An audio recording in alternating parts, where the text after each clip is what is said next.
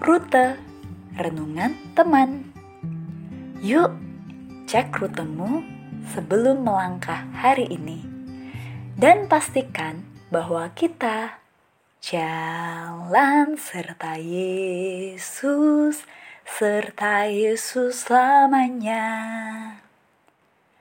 Hari Rabu, tanggal 6 April 2022 Halo teman, kita dengar renungan hari ini, yuk. Kita berdoa. Tuhan Yesus, kami siap mendengar firman-Mu. Bersabdalah Tuhan. Amin. Pembacaan Alkitab pada hari ini terambil dari Kitab Habakuk pasal 3 ayat 1 hingga 7. Doa Nabi Habakuk menurut nada ratapan. Tuhan, telah kudengar kabar tentang Engkau. Dan pekerjaanmu ya Tuhan kutakuti. Hidupkanlah itu dalam lintasan tahun. Nyatakanlah itu dalam lintasan tahun. Dalam murka, ingatlah akan kasih sayang. Allah datang dari negeri teman dan yang maha kudus dari pegunungan Paran. Keagungannya menutupi segenap langit. Dan bumi pun penuh dengan pujian kepadanya. Ada kilauan seperti cahaya. Sinar cahaya dari sisinya. Dan di situlah terselubung kekuatannya. Mendahuluinya berjalan penyakit sampar dan demam mengikuti jejaknya. Ia berdiri, maka bumi dibuatnya bergoyang. Ia melihat berkeliling, maka bangsa-bangsa dibuatnya melompat terkejut. Hancur gunung-gunung yang ada sejak purba. Merendah bukit-bukit yang berabad-abad. Itulah perjalanannya berabad-abad Aku melihat kemah-kemah orang Kusyan tertekan. Kain-kain tenda tanah Midian menggetar. Demikianlah pembacaan firman Tuhan. Perenungan dari Sabda Bina Harian Teruna hari ini berjudul Kasih Sayang dan Keadilan Allah.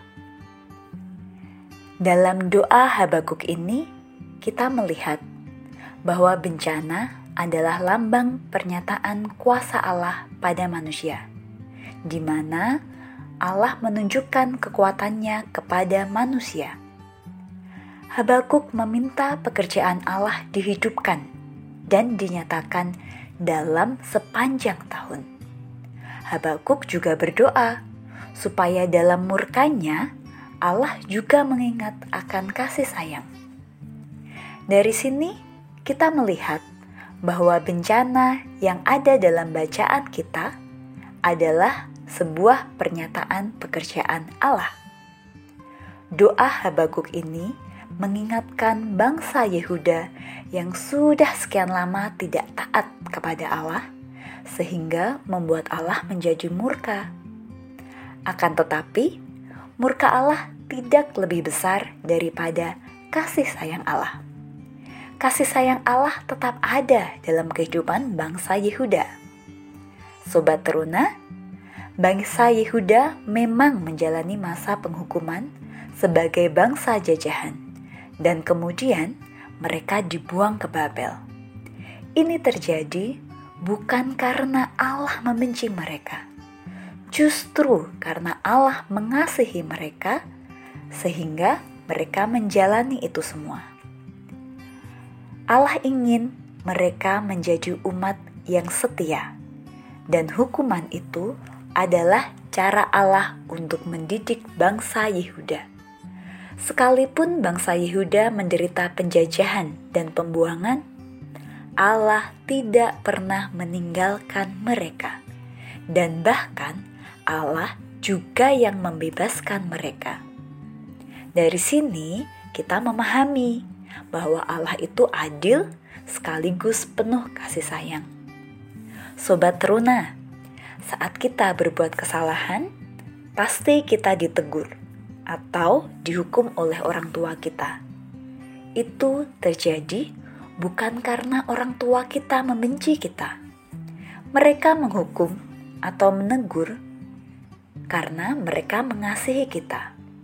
Karena mereka ingin supaya kita hidup baik dan benar.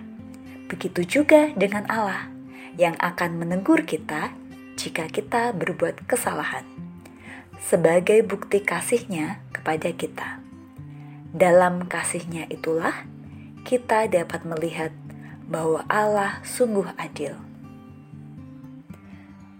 Mari kita berdoa. Ajari aku untuk mengenal kasih sayang dan keadilanmu, ya Allah. Amin. Teman, Selamat menjalankan rutemu hari ini dalam pimpinan Roh Kudus.